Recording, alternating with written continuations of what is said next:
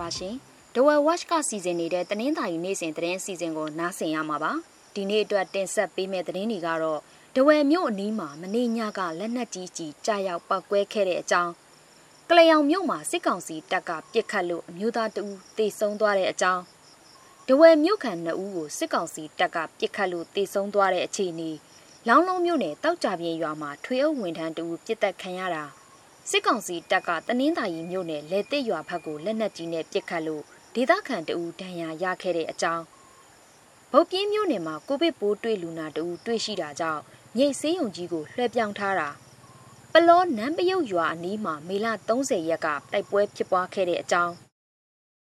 ဒဝယ်မြို့နယ်ရေဝမ်းရွာမှာနေအိမ်နှစ်ဆောင်မိရှို့ခံရပြီးအနီးအနားကခေါင်တိုင်ပြင်ရွာမှာတော့ဖုန်ကြီးကျောင်းဆောင်မိလောင်ကျွမ်းခဲ့တာစတဲ့သတင်းတွေပဲဖြစ်ပါတယ်။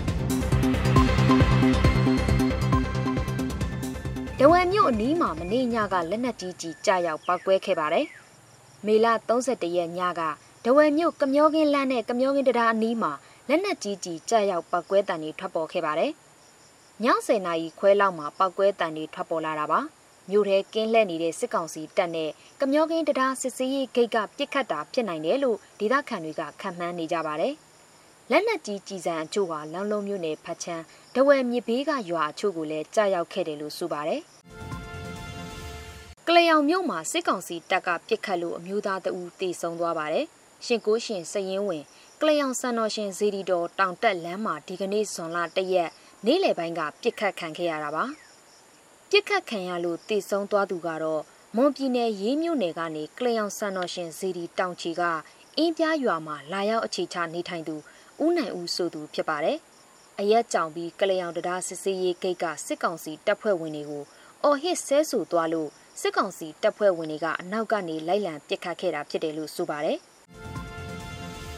ဒဝဲမြို့ခံနှစ်ဦးကိုစစ်ကောင်စီတပ်ကပစ်ခတ်လို့တေဆုံးသွားပါတယ်။တငယ်ချင်းနှစ်ဦးဟာလမ်းဘေးခွေးတွေကိုအစာကျွေးဖို့ဆိုင်ကယ်နဲ့ထွက်သွားစဉ်စစ်ကောင်စီကင်းလက်ကားနဲ့တွေ့ပြီးပစ်ခံရတာလို့ဆိုပါတယ်။မေလ30ရက်ည9:00နာရီခွဲလောက်မှာဒဝယ်မြို့စောမီညိုလမ်းမှာပြစ်ခံရတာဖြစ်ပါတယ်။တေဆုံးသူတွေကတော့ဇရေရက်ကွက်ကအသက်38နှစ်အရွယ်ကိုဟိန်းစောအောင်ဖြစ်ပြီး နောက်တူကတော့စန်းချီရက်ကွက်ကကိုအောင်အောင်ဖြစ်ပါတယ်။သူတို့တငယ်ချင်းနှစ်ဦးစီးလာတဲ့စိုက်ကယ်ကိုလည်းစစ်ကောင်စီတပ်ဖွဲ့ဝင်တွေကမိရှို့လိုက်တယ်လို့ဆိုပါတယ်။လောင်းလုံးမြို့နယ်တောက်ကြပြင်းရွာမှာထွေအုပ်ဝန်ထမ်းတဦးပြစ်တက်ခံရပါတယ်။အထွေထွေအုပ်ချုပ်ရေးဦးစီးဌာနကဝန်ထမ်းတဦးလောင်းလုံးမြို့နယ်တောက်ကြပြင်းရွာမှာမေလ31ရက်ကပြစ်တက်ခံခဲ့ရပါတယ်။တေဆုံးသူကတော့လောင်းလုံးမြို့နယ်မြို့ဟောင်းရွာက ရက်ကြီးစရေးဝန်ထမ်းတဦးဖြစ်တဲ့အသက်40ကျော်အရွယ်ဒေါ်ဆွဆွေမိုးဖြစ်ပါတယ်။အလုတ်ကအပြန်အိမ်ထဲဝင်မဲ့အချိန်မှာစိုက်ကယ်စီးအုပ်ထုတ်ဆောင်ထားတဲ့လူနှစ်ဦးကလာရောက်ပြစ်ခတ်ခဲ့တာဖြစ်တယ်လို့ဆိုပါတယ်။ပြစ်ခတ်သူတွေဟာဘယ်သူတွေလဲဆိုတာကိုတော့မသိရသေးပါဘူး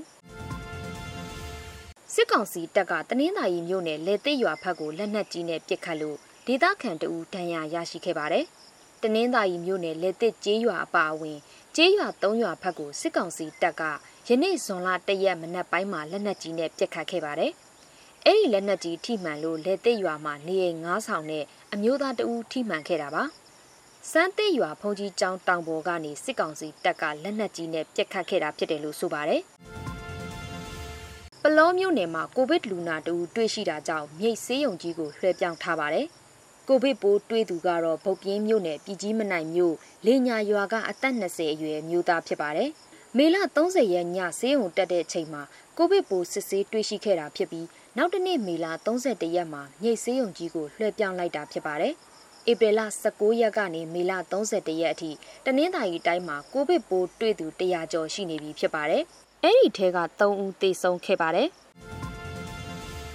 ပလောနန်းပယုတ်ရွာအနီးမှာမေလ30ရက်ကတိုက်ပွဲဖြစ်ပွားခဲ့ပါတယ်။ ကင်းမုံဝစ်ဖို့ပြင်ဆင်နေတဲ့စစ်ကောင်စီတပ်နဲ့ပြည်သူ့ကာကွယ်ရေးတပ်မတော်အမှတ်1တရင်တို့မိနစ်30အကြာတိုက်ပွဲဖြစ်ပွားခဲ့တာပါ။တိုက်ပွဲပြီးတဲ့အထိစစ်ကောင်စီတပ်ကလက်နက်ကြီးအမြောက်အများပစ်ခတ်ခဲ့တယ်လို့ဆိုပါတယ်။တိုက်ပွဲအတွင်းထိခိုက်ကြဆုံးမှုအသေးစိတ်ကိုတော့မသိရသေးပါဘူး။တဝယ်မြို့နယ်ရီဝိုင်းရွာမှာနေအိမ်နှစ်ဆောင်မီးရှို့ခံရပြီးအနီးအနားကခေါင်တိုင်ပြင်ရွာမှာတော့ဖုန်ကြီးကျောင်းဆောင်မီးလောင်ကျွမ်းခဲ့ပါတယ်။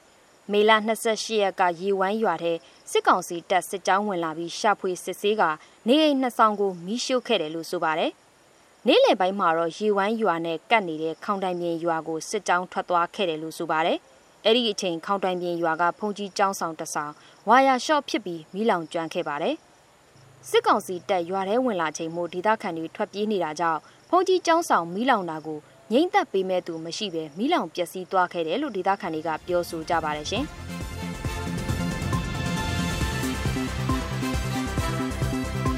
အခုလိုနားဆင်ပေးခဲ့တဲ့အတွက်ကျေးဇူးအထူးတင်ရှိပါတယ်မြန်မာနိုင်ငံသားများကပ်ဘေးအပေါင်းကနေအမြန်ဆုံးလွတ်မြောက်နိုင်ပါစေလို့ The Well Watch ဝိုင်းတော်သားများကဆုမွန်ကောင်းတောင်းအပ်ပါတယ်ရှင်။